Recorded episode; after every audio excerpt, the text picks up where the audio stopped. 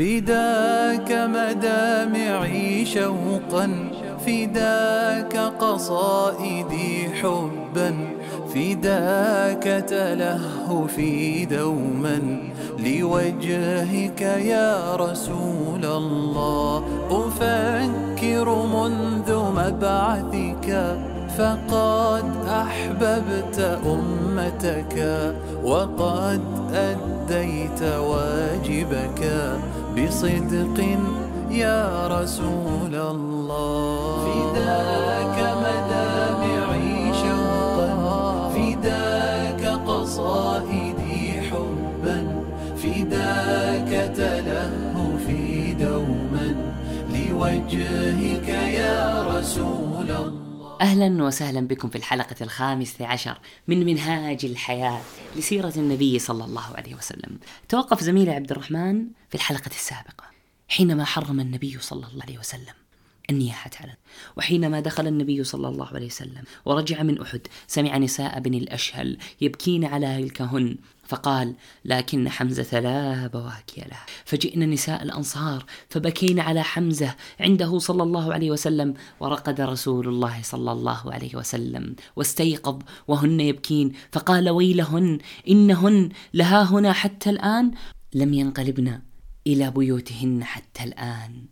النبي صلى الله عليه وسلم غضب من بقائهن فمر فأمرهن أن يرجعن ولا يبكين على هالك بعد اليوم ولم يقف الأمر عند التحريم فقط. فبعد فترة من الزمن نزل الوحي الشديد بتحريم النياحة على الأموات يجعلها من كبائر الذنوب وهو بذلك يتغلغل داخل أعماق المؤمنين والمؤمنات يتتبع آثار الجاهلية يمحوها ويغرس مزيدا من الإيمان مكانها. يقول صلى الله عليه وسلم النياحة على الميت من أمر الجاهلية وإن النائحة إذا لم تتب قبل أن تموت فإنها تبعث يوم القيامة على سرابيل من قطران ثم يغلي عليها بدروع من لهب النار. وسرابيل القطران تعني ثيابا من نحاس. مذابة أعاذنا الله وإياكم من هذا.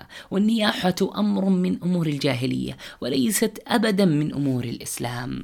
ولذلك نزل الوحي مرة أخرى بتحريم ذلك الأمر.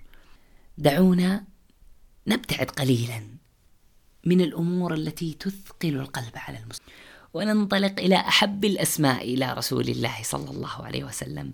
يقول جابر بن عبد الله ولد لرجل منا غلام. فقالوا ما نسميه؟ فقال النبي صلى الله عليه وسلم سبوه بأحب الأسماء إلي. حمزة بن عبد المطلب. فسموه, فسموه حمزة. ما زال عالقا في الذاكرة. حمزة لا يزال متجذر من قلب النبي صلى الله عليه وسلم. لكن بعد مدة من الزمن يقول النبي صلى الله عليه وسلم إن أحب أسمائكم إلى الله عبد الله وعبد الرحمن. ولما رزق أحد الأنصار بغلام سماه محمدا فاحتج الأنصار على هذا الاسم وبخلوا عليه إكراما لرسول الله صلى الله عليه وسلم. فكان جواب صلى جوابه صلى الله عليه وسلم على لسان أحد الصحابة. يقول جابر بن عبد الله رضي الله عنه ولد رجل منا غلام فسماه محمدا فقال له قومه لا ندعوك لا ندعوك باسم النبي صلى الله عليه وسلم. فقال عليه الصلاة والسلام تسموا باسمي ولا تكتنوا بكنيتي فإنما أنا قاسم أقسم بينكم. إذا فاسم محمد صلى الله عليه وسلم محمد محبب إليه صلى الله صلوات ربي وسلامه عليه ومحبب إلى الله سبحانه وتعالى. ولد ورجل من الأنصار يسمى باسم النبي صلى الله عليه وسلم.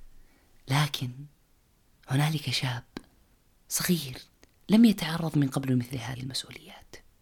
شاب صغير جدا ذكرناه قبل الغزوة لديه أخوات كثيرات.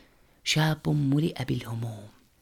إلى أين تتجه هذه الهموم بجابر عبد الله رضي ليس هنالك أرحب من رحمة الله لجابر. والنبي صلى الله عليه وسلم مساحة من هذه الرحبة والرحمة فهو رحمة مهداة من الله لهذه الأمة ولكل, ولكل فرد منها.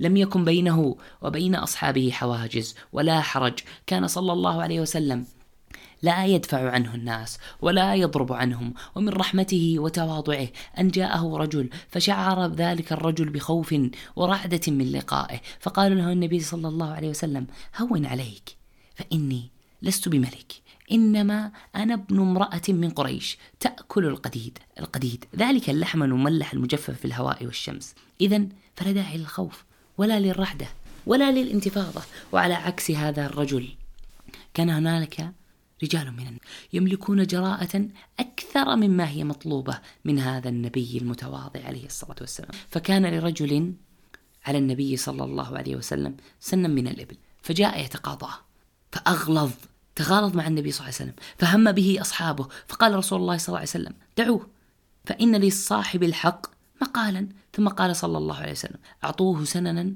مثل سننه. فطلبوا سنة سنه فلم يجدوا إلا سنا فوقها. فقال صلى الله عليه وسلم أعطوه النبي صلى الله عليه وسلم استلف منه بعيرا وجاء غاضبا يغلظ على النبي صلى الله عليه وسلم. فأعاد له النبي صلى الله عليه وسلم ولم يقل له لماذا أغلظت لأن هذا حقه. فقال الصحابي أوفيتني أوفى الله بك. فقال النبي صلى الله عليه وسلم إن خياركم أحسنكم قضاء. رضى الرجل وذهب مسرورا بما حصل عليه وتعلم الصحابة منه صلى الله عليه وسلم حسن الوفاء وحسن الأخلاق. لكن جابر بن عبد الله لا يملك ما يقضي به دينه فاتجه إلى الرحمة المهداة يسأله العون وتفريج هذا الكرب الشديد فكان صلى الله عليه وسلم له في المكان المطلوب والزمان المناسب وعلى بابه وعلى باب رسول الله صلى الله عليه وسلم. كان جابر يتعلم أدب أبدا ويتعلم أدبا. يقول جابر رضي الله عنه إن أبي قتل يوم أحد وترك تسع بنات كن لي تسع أخوات وترك عليه ثلاثين وسقا لرجل من اليهود فاستنظره جابر. طلب منه أن يستنظره يعطيه وقت فأجاء فأبى أن ينظره. ولم يكن هذا اليهودي. هو الوحيد الذي له حق عند جابر رضي الله عنه. فوالده ترك عليه دينا. غير هذا يقول جابر رضي الله عنه إن أبي ترك عليه دينا. وليس عندي إلا ما يخرج النخل. ولا يبلغ ما يخرج ما يخرج سنين ما عليه. أي أن والدي عليه دين. ولا يملك إلا ما يخرج من النخل. وما يخرج من النخل لا يمكن أن يقضيه ولو كان ذلك لسنين. جابر مليء بالخوف. فذهب إلى النبي صلى الله عليه وسلم فضرب الباب فقال صلى الله عليه وسلم من الطارق؟ قال أنا. فقال النبي صلى الله عليه وسلم أنا أنا. كأنه يكره كلمة أنا. أنا ليست إجابة ولا تعريفا بالطارق بل هي استدعاء لمزيد من الاستفسار والتساؤل. ولو قال جابر أنا جابر. لما كره النبي صلى الله عليه وسلم. تعلم جابر أدبا رفيعا من نبيه صلى الله عليه وسلم.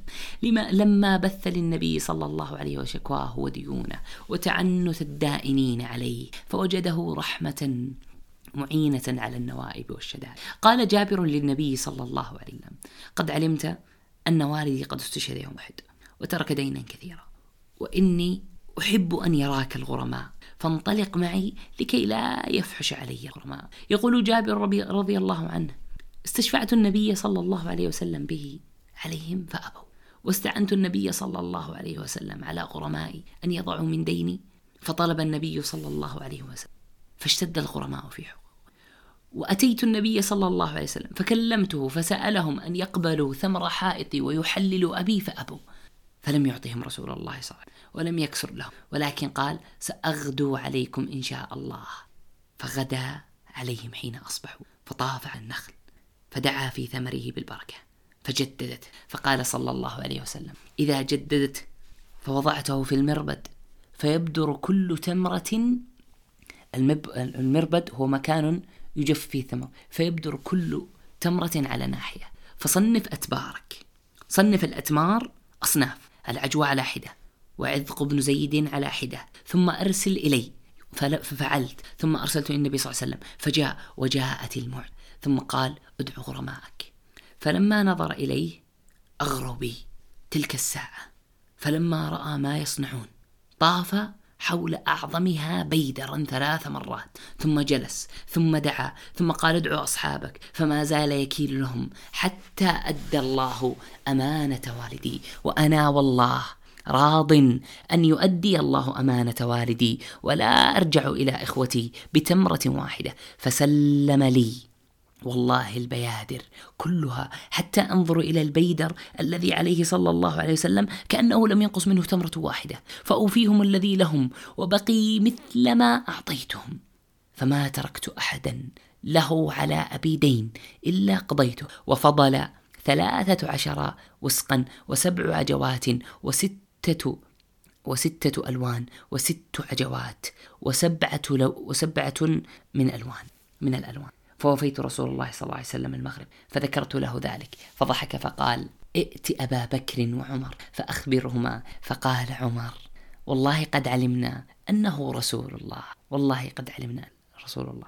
انصرف جابر إلى أخوته مبشرا بكرامة الله لوالدهن في حياته وبعد مماته فقضى الدين بهذه الطريقة. لا يمكن أن يكون إكراما من الله لذلك الشيخ الراحل. ذلك الشيخ الذي عانى الكثير والكثير من أجل لقاء الله وهو إكرام لهذا الشاب الذي رأض بقضاء الله وقدره وحمل وهو صغير أمانة ضخمة وثقيلة. وهل هنالك أثقل من إعالة أسرة كبيرة كهذه؟ وهل هنالك أثقل من دين يطالبك به يطالبك به يهودي؟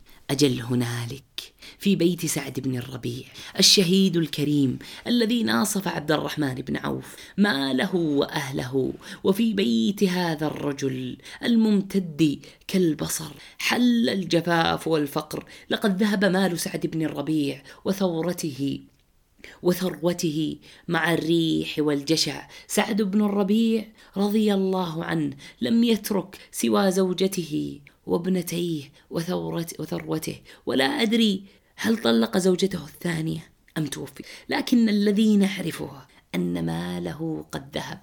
فمن أخذ مال سعد بن الربيع هل هي أم الفتاتين أو لا؟ زوجة سعد بن الربيع بعد مرور أيام وشهور تخرج حزينة على زوجها وبناتها تتجه نحو صل نحوه صلى الله عليه وسلم. تسأله حلا تسأل الله فرجا فلا سعد ولا بناته يستحقون كل هذه المعاناة. تقف تلك الحزينة أمام الرحمة المهداة. جاءت امرأة سعد بن الربيع ببنيت بابنتيهما من سعد إلى رسول الله صلى الله عليه وسلم. فقالت يا رسول الله هاتان ابنتا سعد قتل أبوهما يوم أحد معك. شهيد وإن عمهما أخذ مالهما فاستوفه منه فلم يعد لهما مال. والله لا تنكحان لا تنكحان إلا ولهما مال. فقال صلى الله عليه وسلم يقضي الله في ذلك فأنزل الله عليه آية الميراث وهي ضمن قوله تعالى إن الذين يأكلون أموال اليتامى ظلما إنما يأكلون في بطونهم نارا وسيصلون سعيرا. يوصيكم الله في أولادكم للذكر مثل حظ الأنثيين. فإن كن نساء فوق اثنتين فلهن ثلثا ما ترك وإن كانت واحدة فلها النصف ولأبويه كل واحد منهما السدس مما ترك. نزلت هذه الآية على النبي صلى الله عليه وسلم. فأرسل رسول الله صلى الله عليه وسلم إلى عمهما فقال أعط ابنتا سعد الثلثين وأمهما الثمن وما بقي فهو لك. إنها قسيمة الله لا قسيمة الجاهلية والعادات والتقاليد. آيات تغسل قلب سامعها من الجشع تغسلها تغسله بانهيار العطف والرأفة تجعله في مكان المفجوع بنفسه تجعله يشعر بمرارة اليتم بليل يخيم على اليتيم آلاما وحزنا. قد جعل الله نصيب الذكر أكثر من نصيب الأنثى في الميراث لأن عليه مسؤوليات تجاه الأنثى عديدة. فالرجل يجب عليه الإنفاق على أمه وأخته وزوجته وابنته وهو الذي يدفع المهر لزوجته.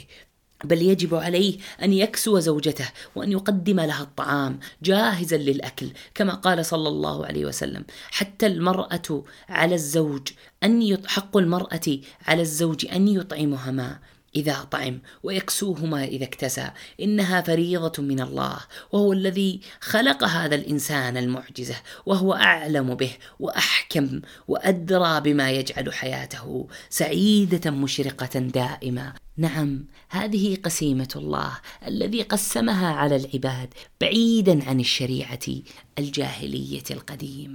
ذلك تكريم للكريم سعد بن معا بن الربيع وتكريم لعبد الله بن حرام. وتمر أيام تمر أيام فيمرض جابر ثم ينهض من مرضه الذي ألم به.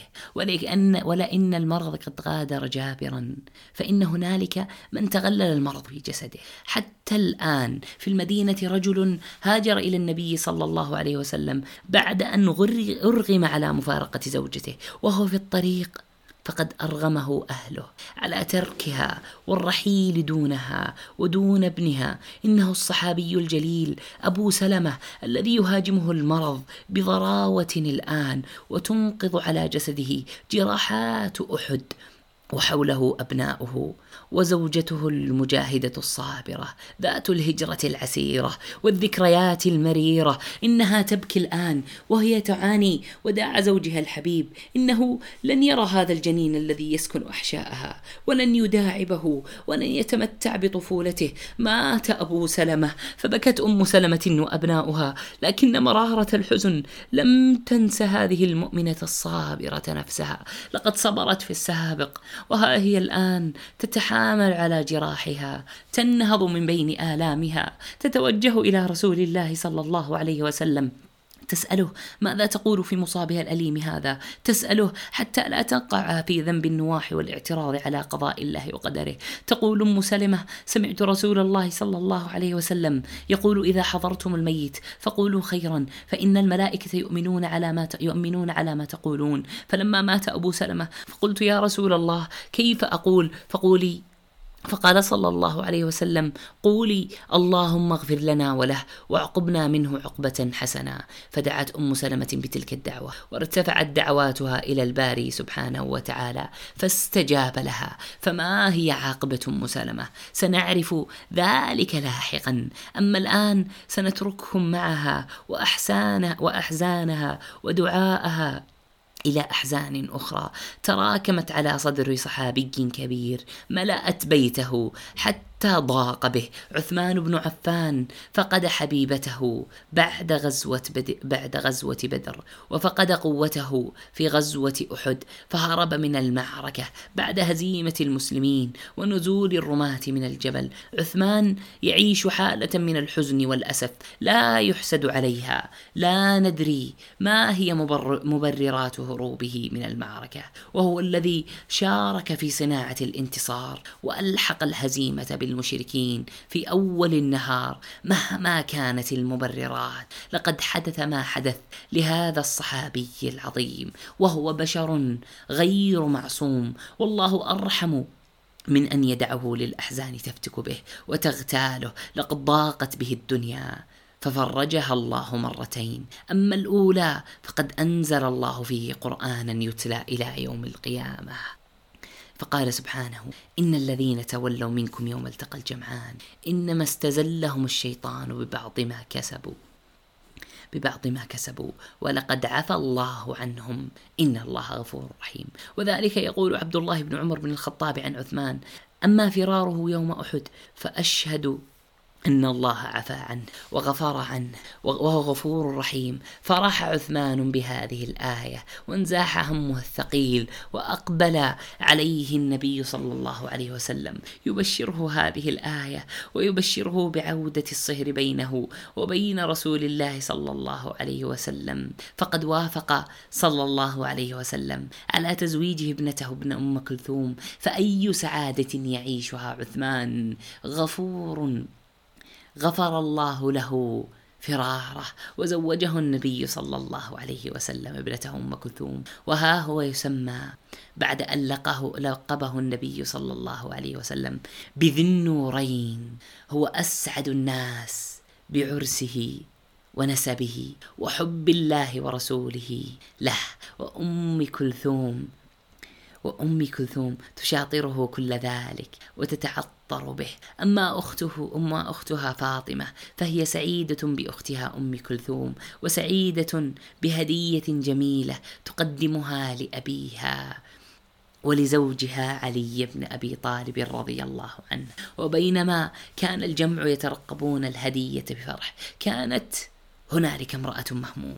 يمتلكها الفزع مما قد يحدث لرسول الله صلى الله عليه وسلم أو لفاطمة. الرؤيا من جديد تخيمك الخوف على عالم امرأة صالحة تدعى أم الفضل وهي زوجة عم النبي صلى الله عليه وسلم العباس بن عبد المطلب التي تركت مكة والعباس إلى الله ور... تركت مكة والعباس إلى إلى الله ورسوله صلى الله عليه وسلم. فما هي رؤيا أم الفضل تقول رضي الله عنها رأيت كأن في كأن في بيتي عضوا من أعضاء رسول الله صلى الله عليه وسلم فجزعت من ذلك. فأتيت رسول الله صلى الله عليه وسلم فذكرت له ذلك فقال صلى الله عليه وسلم خيرا تلد فاطمة غلاما فتكفلينه بلبن ابنك قيثم. فولدت فاطمة ولدت حبا جديدا لرسول الله صلى الله عليه وسلم ملك عليه قلبه فولدت فاطمة حربا. قد سماه والده حربا إنه يملأ بيت النبوة برائحة الأحفاد المنعشة البريئة. حرب يزاحم أمه وأباه في قلب النبي صلى الله عليه وسلم ولقد بشر بمولد هذا الطفل الجميل. فجاء صلى الله عليه وسلم والسعادة تملأ قلبه وصدره فوجد الابتسامة والفرح يغمران المكان. علي سعيد وفاطمة أكثر سعادة من ذلك. يقول علي رضي الله عنه لما ولد الحسين لما ولد الحسين سميته حربا فجاء رسول الله صلى الله عليه وسلم فقال أروني ابني ما سميتموه؟ قلت حربا. قال صلى الله عليه وسلم بل هو حسن غير صلى الله عليه وسلم. ذلك الاسم الحاد باسم جميل يدخل به يدخل به البهجة على النفوس. فحمل المولود الطاهر. اسمه الجميل وحمله صلى الله عليه وسلم وقبله وفعل شيئا رآه أحد موالي النبي صلى الله عليه وسلم الذي كان يشارك ببيت النبي صلى الله عليه وسلم فرحتهم بهذا القادم الحسن. أخبرنا أخبرنا أبو رافع. ودعونا نقول لأبي رافع أخبرنا ما رأيت.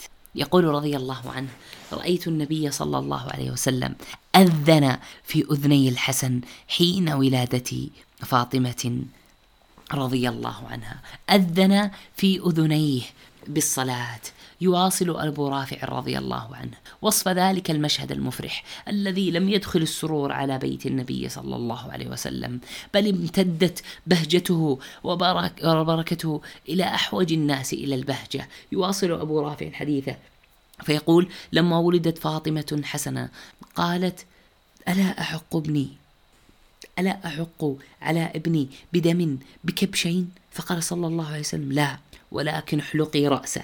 صدقي بوزن شعره على المساكين والأوفاط. وكان الأوفاط ناسا من أصحابه رسول الله صلى الله عليه وسلم محتاجين في المسجد أو الصفة. ففعلت ذلك فاطمة رضي الله عنها وتصدقت على الفقراء والمحتاجين. لكن ماذا عن حقيقة الحسين؟ ماذا عنها؟ والنبي صلى الله عليه وسلم يقول كل غلام رهين بعقيقته يذبح عنه يوم سابعه ويحلق عن رأسه ويسمى بذلك. لقد أحب صلى الله عليه وسلم أن يقدم هو حقيقة الحسين. يقول أحد الصحابة رضوان الله عليهم إن رسول الله صلى الله عليه وسلم عق عن الحسين كبشين وقت العقيقة الأفضل على قوله صلى الله عليه وسلم أن العقيقة تذبح لسبع أو لأربعة عشر أو لإحدى وعشرين يوما. وفي يوم جميل بالحسن أك كل الفقراء وأهل الصفة من العقيقة وشاركوا النبي صلى الله عليه وسلم وأهل بيته الاحتفاء بالحسن. وأما الحسن رضي الله عنه فقد أرضعته أمه فاطمة ثم بعث به رسول الله صلى الله عليه وسلم إلى تلك المرأة التي رأت في منامها بشرى ولادة الحسن. بعث رسول الله صلى الله عليه وسلم بالحسن إلى أمي أم الفضل لكي ترضعه. فها هي تحدثنا عن رضاعته وعن ضربه وعن حبه. تقول أم الفضل رأيت كأن في بيتي عضو من أعضاء النبي صلى الله عليه وسلم. فلما ولدت فاطمة أرسل الي فقال النبي صلى الله عليه وسلم لها ارفقي بابنك رحمك الله أو أصلحك الله. أوجعت ابني. فقلت يا رسول الله اخلع عزارك والبس ثوبا غيره حتى أغسله. فقال صلى الله عليه وسلم إنما يغسل بول الجارية وينضح بول الغلام. بول الجارية هو من يغسل من على الثياب وأما بول الغلام فهو ينضح والنضح هو يعني آه، أخذ الماء عليه ووضعه ووضعه على الثوب ثم آه، تحريكه باليد. لا يلزم الغسل كما يغسل من بول الجارية يرش على بول الصبي إلا إذا صار يأكل الطعام. عند ذلك يغسل عن بوله والحسن ما زال رضيعا ينعم بقلب جده قبلاته وأحضانه. حسن ينعم بمقعده عند رسول الله صلى الله عليه وسلم. ذلك الطفل البريء البرد كالطهر الحسن بن علي ملأ قلب النبي صلى الله عليه وسلم. تتمادى البراءة فيتمادى الحب وتتسع الرحمة برسول الله صلى الله عليه وسلم. هذه المرة لا يذهب إلى المسجد وحده بل يحمل معه حفيده. وهو يعلم ما قد يفعله الطفل أثناء الصلاة. أحد الذين رأوا يروي تلك القصة المفعمة بالطفولة والعبادة. يتحدث إلينا صحابي اسمه شداد. يقول خرج علينا رسول الله صلى الله عليه وسلم في إحدى صلاتي العشاء وهو حامل حسن حامل الحسن. فتقدم رسول الله صلى الله عليه وسلم فوضعه ثم كبر الصلاة فسجد بين ظهراني صلاته. سجدة أطالها فرفعت رأسي وإذا بالصبي على ظهره وهو ساجد. فرجعت إلى سجودي. فلما قضى رسول الله صلى الله عليه وسلم قالوا يا رسول الله. قال الناس يا رسول الله إنك سجدت بين ظهرانينا. إنك سجدت بين ظهراني صلاتك. سجدة أطلتها حتى ظننا أنه قد حدث أمر أو أنه يوحى إليه. فقال صلى الله عليه وسلم كل ذلك لم يكن لكن ابني ارتحلني فكرهت أن أعجله حتى يقضي حاجته. إنها رحمة تشعر ويشع بها. صلى الله عليه وسلم. يجعل أصحابه يشعرون بها. جاء أصحابي إلى النبي صلى الله عليه وسلم والنبي صلى الله عليه وسلم يقبل الحسن فقال تقبلون الصبيان؟ فما فنحن لا نقبلهم. فقال النبي صلى الله عليه وسلم ألا أو أملك لك؟ أن نزع الله من قلبك الرحمة. وقبل صلى الله عليه وسلم الحسن بن علي وعنده الأقرع بن حابس التميمي جالسا قال الأقرع إن لي عشرة من الولد. ما قبلت منهم أحد. فنظر إليه صلى الله عليه وسلم فقال من لا يرحم؟ لا يرحم. رحمة مهداة. النبي صلى الله عليه وسلم يقول إنما أنا رحمة مهداة. وذات يوم وبينما كان رسول الله صلى الله عليه وسلم يخطب بالمنبر على أصحابه إذ به يذهل عن خطبته ويذهل وعن الناس ينظرون من حوله. الرحمة تذهله صلى الله عليه وسلم. يقول عبد الله بن عباس رأيت النبي صلى الله عليه وسلم على المنبر يخطب بالناس فخرج الحسن بن علي رضي الله عنه في عنقه وفي عنقه خرقة يجرها فعثر بها فسقط على وجهه فنزل رسول الله صلى الله عليه على المنبر يريده فلما رآه الناس أخذوا الصبي فأتوه به فحمله فقال قاتل الله الشيطان إن الولد فتنة والله ما علمت أني نزلت على المنبر حتى حتى أتيت به ولم تكن الرحمة للحسن فقط وكانت هنالك طفلة تنافسه وردة اسمه وردة اسمها أمامة بنت ابنته أمامة بنت ابنته زينب رضي الله عنها. كانت أمامة ملء سمعه وبصره حتى أنها كانت تذهب معه إلى المسجد وهو يريد الصلاة بصحابته رضي الله عنهم. يقول أحدهم خرج علينا رسول الله صلى الله عليه وسلم وأمامة بنت أبي العاص على عاتقه فصلى فإذا ركع وضعها وإذا رفع وإذا رفع رأسه رفعها معه. فإذا سجد وضعها أمامه وإذا قام حملها. يفعل ذلك أثناء صلاته بالمؤمنين. نبي الله صلى الله عليه وسلم. رحمة رحمة مهداة. رحمة بالصغير قبل الكبير. بجابر بن عبد الله وأحفاده وأيتام المسلمين. وفقرائهم. ها هو النبي صلى الله عليه وسلم. يمشي في الطرقات. تقوده أمة أو امرأة في أو امرأة في عقلها شيء دون أن ينهرها. امرأة تقوده تمسك بيده. لم يطالبها بالتوقف أو يطالب أهلها بردعها عن مجلسه. كان يجعل لها من قلبه وقته نصيبا كالآخرين. يقوم من مجلسه قد مجلسه الذي قد يجلس فيه أبا بكر وعمر وعثمان وعلي إلى امرأة في عقلها اضطراب يستمع إليها وينصت حتى تنتهي ويقضي حاجتها. يقول أنس بن أنس رضي الله عنه كانت الأمة من إماء أهل المدينة لتأخذ بيدي بيده صلى الله عليه وسلم فتنطلق به حيث شاءت. ويقول رضي الله عنه إن امرأة كان في عقلها شيء فقالت يا رسول الله إني إن لي إليك حاجة. فقال يا أم فلان انظري انظري أي السكك شئت حتى أقضي لك حاجتك. فخلا معها في بعض الطريق حتى فرغت من حاجتها. كان صلى الله عليه وسلم جنة من المشاعر ينعم بها جميعا. حتى ضعاف العقول حتى العصافير والطيور. كان صلى الله عليه وسلم جدول حب يشرب منه الصغير قبل الكريم. وهي قصة أولها رحمة وآخرها جحيم. مجموعة من الرصوص من عكل وعرينة. مجموعة من الأوغاد سمعوا برحمته وبشفقته على أصحابه فظنوا أن بإمكانهم استدراج رحمته واستدراج طيبته ثم الضحك عليه بعد نوال عطائه. جاءوا هؤلاء وأظهروا الإسلام وبايعوه صلى الله عليه وسلم. لكن حماهم حمى المدينة أصابتهم شملهم صلى الله عليه وسلم بقلبه وكرمه. قالوا يا نبي الله إن كنا أهل ضرع ولم نكن أهل ريف واستوخموا المدينة. فقال لهم صلى الله عليه وسلم استوخموا المدينة أي استغربوا مناخها. إن شئتم أن تخرجوا إلى أبل إلى أبل إلى إبل الصدقة. فتشرب من ألبانها وأبوالها. فأمر لهم رسول الله صلى الله عليه وسلم بذود وراع بذود وراع يرعى يرعاهم.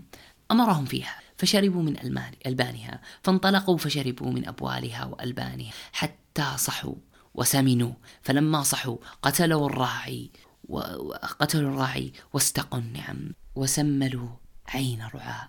أي فقعوا أعيانهم بالحديد فقحوا أعينهم بالحديد فانطلقوا حتى إذا كانوا ناحية الحرة كفروا بعد إسلامهم. فجاء الخبر في أول النهار فجاء الخبر إلى النبي صلى الله عليه وسلم في أول النهار فبعث صلى الله عليه وسلم في آثارهم. فلما ارتفع النهار جيء بهم فأمر بقطع أيديهم وأرجلهم من خياف وسمرت أعينهم وألقوا في الحرة يستسقون فلا يسقون ثم نبذوا في الشمس حتى حتى ماتوا ما هو ذنب الراعي المسكين الذي اعتنى بهم وبصحتهم سقاهم ومرضهم وأطعمهم فكان جزاؤه أن فقعوا عينه؟ ثم قتلوه؟ إن فقاهم إن فقهم لعين الراعي قبل قتله دليل على توغل الإجرام والحقد في نفوس أولئك المجرمين الأنذال الذين جمعوا كل, كل صفات الخسة والدناءة كفروا وقتلوا ومثلوا وخانوا وسرقوا فكان عقابهم شرسا بحجم جريمته. إن أمثال هؤلاء القطاع يمثلون خطرا عظيما على كل أرض يطؤونها. لا يمكن أن يقابلهم إلا السيف البتار. أمثال هؤلاء يغريهم ضعف الضعيف وحلم الحليم وتسامح الكريم فينشرون من خلال ذلك في قلوب الحجاج والتجار والمسافرين. وربما أغرى هؤلاء الأجلاف. ذلك الانكسار الذي حدث للمؤمنين في غزوة أحد. وربما كان طلائع لخيانة واستكشاف لمجرم قابع في عرينه يجمع جيشه لاقتحام المدينة ونهبها. مجرم يثير القشعريرة. اسمه خالد اسمه خالد بن سفيان بن نبيح يقود بني لحيان. علم صلى الله عليه وسلم بذلك المخطط لكنه فكر بطريقة آمنة يتخلص فيها من حرب ضروس بطعنة واحدة يحقن فيها دماء, المج... دماء جيوش تحتاج إلى دمائها ورجالها. فكر رسول الله صلى الله عليه وسلم باغتيال خالد بن سفيان واختار رسول الله صلى الله عليه وسلم فارسا مغوارا يختصر المسافات والأحداث. يجمع الجيوش والآلام والنواح بطعنة واحدة. وقع اختياره صلى الله عليه وسلم على عبد الله بن أنيس. فتعالوا إلى الأحداث والحديث. وفارسنا الذي يقول دعاني رسول الله صلى الله عليه وسلم فقال إنه قد بلغني أن خالد بن سفيان بن نبيه يجمع لي الناس ليغزوني وهو بعرينة فاذهب واقتله فقال فقلت يا رسول الله انعته لي حتى أعرفه. يا رسول الله صفه لي. فقال صلى الله عليه وسلم إذا رأيته وجدت له, وجدت له قشعريرة. قلت والذي أكرمك؟ ما هبت شيئا قط. فخرجت متوشحا سيفي حتى وقعت عليه بعرينة. مع طعن يعني مع نساء.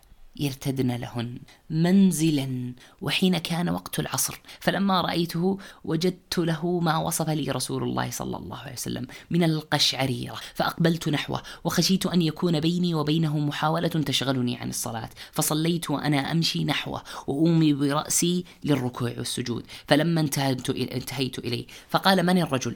قلت رجل من العرب. سمع بك وبجمعك لهذا الرجل. فجاءك لهذا. قال أجل أنا ذلك. فقلت باغي حاجة فهل من مبين؟ قال نعم فالحق بي فمشيت معه شيئا. حتى إذا أمكنني حملت عليه السيف حتى قتلته ثم خرجت وتك وتركت ضعانه مكبات عليه ثم غشيت الجبال ولجمتها حتى ذهب الناس. خرجت حتى أقدم إلى رسول الله صلى الله عليه وسلم. فلما رآني رسول الله صلى الله عليه وسلم قال أفلح الوجه قلت قتلته يا رسول الله قتلته يا رسول الله. فقال صلى الله عليه وسلم صدقت. ثم قام معي رسول الله صلى الله عليه وسلم فدخل في بيته فأعطاني عصاه فقال أمسك بهذه يا عبد الله أمسك هذه عندك يا عبد الله يا عبد الله بن أنيس. فخرجت بها على الناس فقالوا ما هذه العصا؟ فقلت أعطاني أعطانيها رسول الله صلى الله عليه وسلم وأمرني أن أمسكها. قالوا أو لا ترجع إلى رسول الله صلى الله عليه وسلم. فتسأله عن ذلك. فرجعت إلى رسول الله صلى الله عليه وسلم. فقلت يا رسول الله لما أعطيتني هذه العصا؟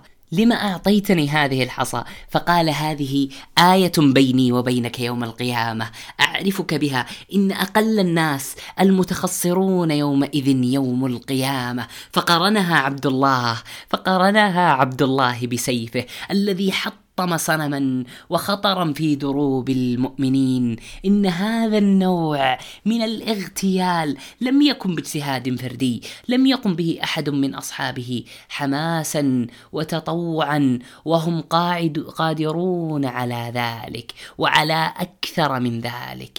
انها دماء لا يجوز الخوض فيها دون الرجوع إلى النبي صلى الله عليه وسلم دون الرجوع إلى الإمام الذي هو بيده الحكم على هذه البلاد. وإلا فإنها ضرب من التهور الغير مبرر ابدا. لم يكن عبد الله بن أنيس هو الوحيد فقط فقد كان مرثد بن أبي بن أبي مرثد رضي الله عنه صديقا صديقة في مكة ينزل عندها سرا كان يحبها وتحبه وتحفظ سرها وعلاقته بها اسمها عناق. لكن امرا حدث في المدينة أثار غضب تلك الحسناء فخانت مرثدا ونادت قريشا ليحاصروه ويقبضوا عليه فماذا حدث لمرثد؟ يقول أحد الصحابة إن مرثد بن أبي مرثد كان رجلا شديدا يحمل الأسرى من مكة حتى يأتي به المدينة وكانت امرأة بغي بمكة يقال لها عناق. امرأة كانت صديقة صديقة لمرثد وأنه كان يواعد رجلا من أصارى مكة. يحتمله قال مرثد فجئت حتى انتهيت إلى ظل حائط من حوائط مكة في ليلة مقمرة فجاءت عناق. فأبصرت سواد ظلي بجانب الحائط. فلما انتهيت فلما انتهت إلي عرفتني. فقالت من هذا مرثد؟ فقلت مرثد. فقالت مرحبا وأهلا. تعال فبت عندنا الليلة. فقلت يا عناق مرثد يقول يا عناق حرم الله الزنا. إن رسول الله صلى الله عليه وسلم حرم الزنا. ثم صاحت بأعلى صوت. يا أهل الخيام يا أهل الخيام هذا الدلدال هذا الدلدال هذا الذي يحمل أسراكم من مكة إلى المدينة. فتبعني ثمانية يقول مرثد. فتبعني ثمانية وسلكت الخندمة أي جبلا عند أحد في في مداخل مكة. فانتهيت إلى غار أو كهف فدخلت فجاءوا حتى قاموا على رأسي فبالوا فطار بولهم علي فضل بولهم على رأسي وعماهم الله عني. ثم رجعوا ورجعت إلى صاحبي فحملته وكان رجلا ثقيلا حتى انتهيت إلى الإذخر. فلما انتهيت به إلى الأراك فككت عنه أكبله فجعلت أحمله ويعينني حتى قدمت المدينة. فأتيت رسول الله صلى الله عليه وسلم فقلت يا رسول الله أنكحوا عناقا. فسكت عني فأمسك رسول الله صلى الله عليه وسلم ولم يرد علي بشيء حتى نزلت الزاني لا ينكح إلا زانية أو مشرك والزانية لا ينكحها إلا زان أو مشرك. فقال رسول الله صلى الله عليه وسلم الزاني لا ينكح إلا زانية أو مشركة والزانية لا ينكحها إلا زان أو مشرك فلا تنكحها لأنها تحترف الزنا وتصر عليه. أما إذا تابت الزانية وتاب, وتاب الزاني فباب التوبة مفتوح إلى يوم القيامة ويجوز عند ذلك أن تتزوجها. أما إذا لم تتب فهم إذا لم يتوبوا فهم أمراض متنقلة تنخر الأجساد والمجتمعات. إذا فهنالك رجال يمكن الاعتماد عليهم بمهام خطرة, خطرة ودقيقة ولم يتردد في بثهم هنا وهناك. رسول الله صلى الله عليه وسلم فالمدينة خطر والدعوة إلى الله وإلى توحيده تحتاج إلى دولة قوية وذكية وكان لمرثد وعبد الله بن أنيس قوة وأدوار يؤدونها تحت قيادة النبي صلى الله عليه وسلم. كان هنالك أدوار عظيمة يقدمونها لهذا الإسلام. النبي صلى الله عليه وسلم لبث شهرا يدعو على العامر والخونة الذين غدروا بالمؤمنين. قرر صلى الله عليه وسلم أن يغزو بني لحيان وبني سليم ورعل وذكوان وعصية فأعد جيشا ليتحركوا نحوه. وكان أحد الصحابة يريد صحبته لكنه هذه المرة في حيرة من أمره من أمره فامرأته ثقيلة وهو يريد البقاء يريد مصاحبة النبي صلى الله عليه وسلم وهي كذلك. كانت تريد أن أن تقعد وكانت تريد أن تصاحبه. يقول ابنها البار أنس بن مالك رضي الله عنها. كانت أم سليم تسافر مع النبي صلى الله عليه وسلم تخرج معه وتدخل معه فضربها المخاض ولا تستطيع واحتبس عليها أبو طلحة وانطلق النبي صلى الله عليه وسلم. فقال أبو طلحة يا رب إنك لتعلم أنه يعجبني أن أخرج مع رسولك إذا خرج وأدخل معه إذا دخل وقد احتبست بما ترى. تقول أم سلمة يا أبا طلحة ما أجد الذي كنت أجد فانطلق. وانطلقا فانطلق النبي صلى الله عليه وسلم وأصحابه إلى تلك الأرض الذي التي غدر فيها أولئك الشباب الأطهر. وانطلق صلى الله عليه وسلم بجنوبا إلى تلك الأرض التي تقع بين ثفان ومكة. أرض رعل وذكوان ولحيان وعصية التي عصت الله ورسوله ورسوله صلى الله عليه وسلم. وفي تلك الأثناء أم سلمة تلد بنتا. كانت رضي الله عنها في فترة حداد وهي حامل. ولما وضعت ابنتها سمتها زينب. ولكن سعادتها لم تكن في ولادتها فقط بل بشيء يحملها من عالم إلى عالم آخر يضيف عليها جلالة ومهابة وكرامة عالما تكون فيه حبيبة رجل هو حلم كل امرأة فقد استجاب الله لها. كما استجاب لأم سليم فعند وفاة زوجها أبي سلمة دعت بتلك الدعوة. اللهم اغفر لنا وله وعقبني منه عقبى حسنة. أخبرينا يا أم سلمة ما هي العقبة الحسنة التي وهبك الله وأكرمك بها؟ تقول رضي الله عنها لما وضعت زينب جاءني رسول الله صلى الله عليه وسلم فخطبني فقلت ما مثلي ينكح أما أنا فلا ولد في وأنا غيور ذات عيال. فقال صلى الله عليه وسلم أنا أكبر منك وأما الغيرة فيذهب الله عنك وأما العيال فإلى الله جل ثناؤه ورسوله. فتزوجها رسول الله صلى الله عليه وسلم. فيقول أين زناب؟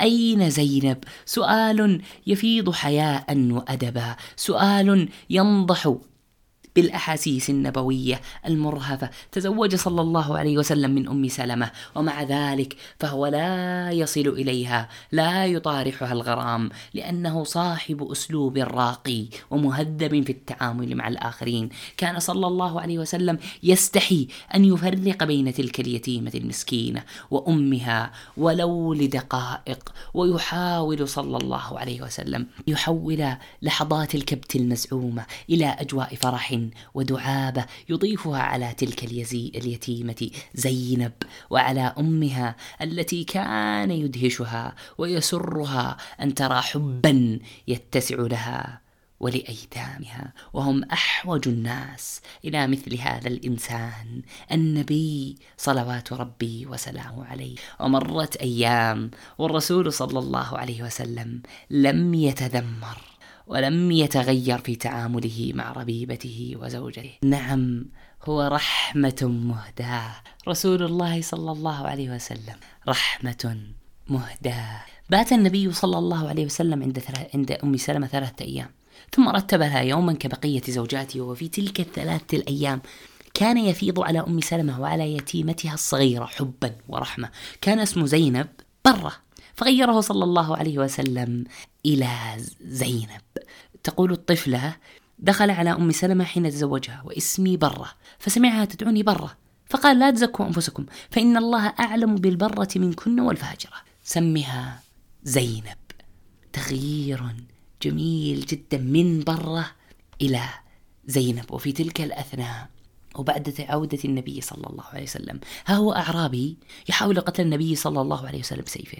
يقول جابر رضي الله عنه قاتل رسول الله صلى الله عليه وسلم محراب خصفة بنخل فأدركته القائلة في وادي. كثير العظاه فتفرق الناس في العظاه يستظلون بالشجر.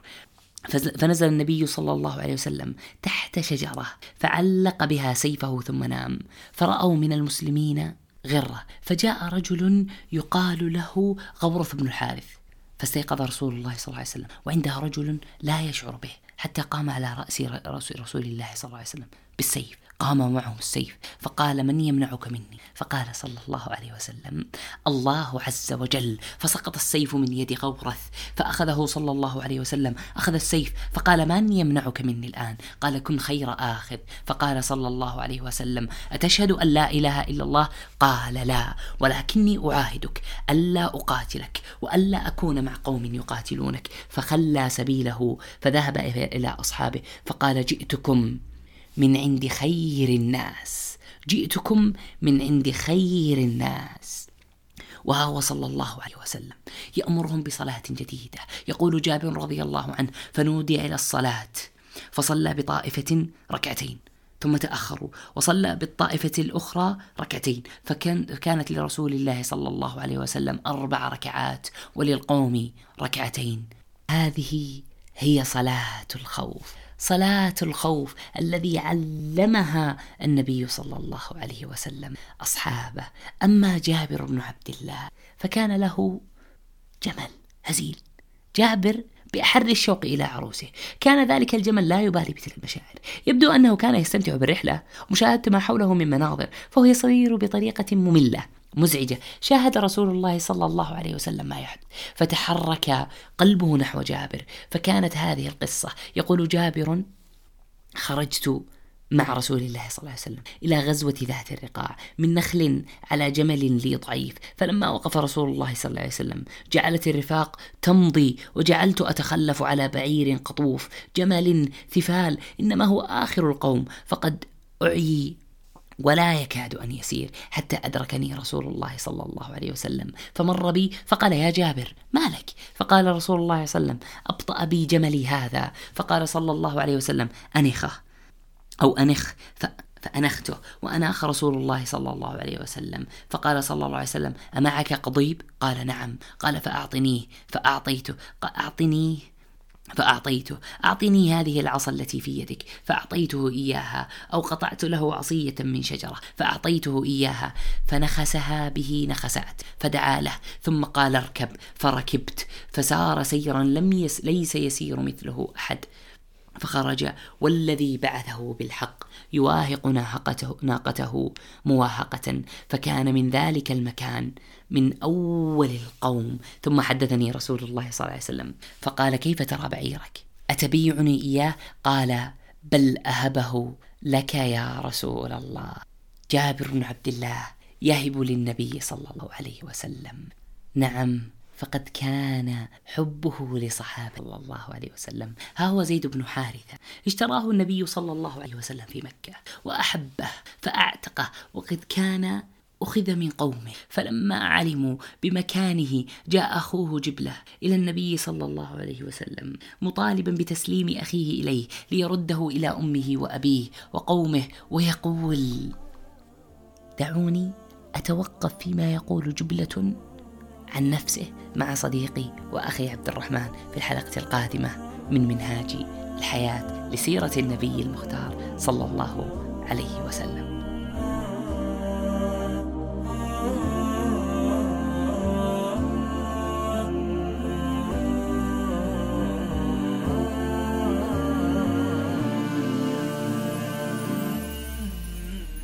فداك مدامعي شوقا فداك قصائدي حبا فداك تلهفي دوما. لوجهك يا رسول الله أفكر منذ مبعثك فقد أحببت أمتك وقد أديت واجبك. بصدق يا رسول الله. فداك مدامعي شوقا فداك قصائدي حبا فداك تلهفي دوما لوجهك يا رسول الله.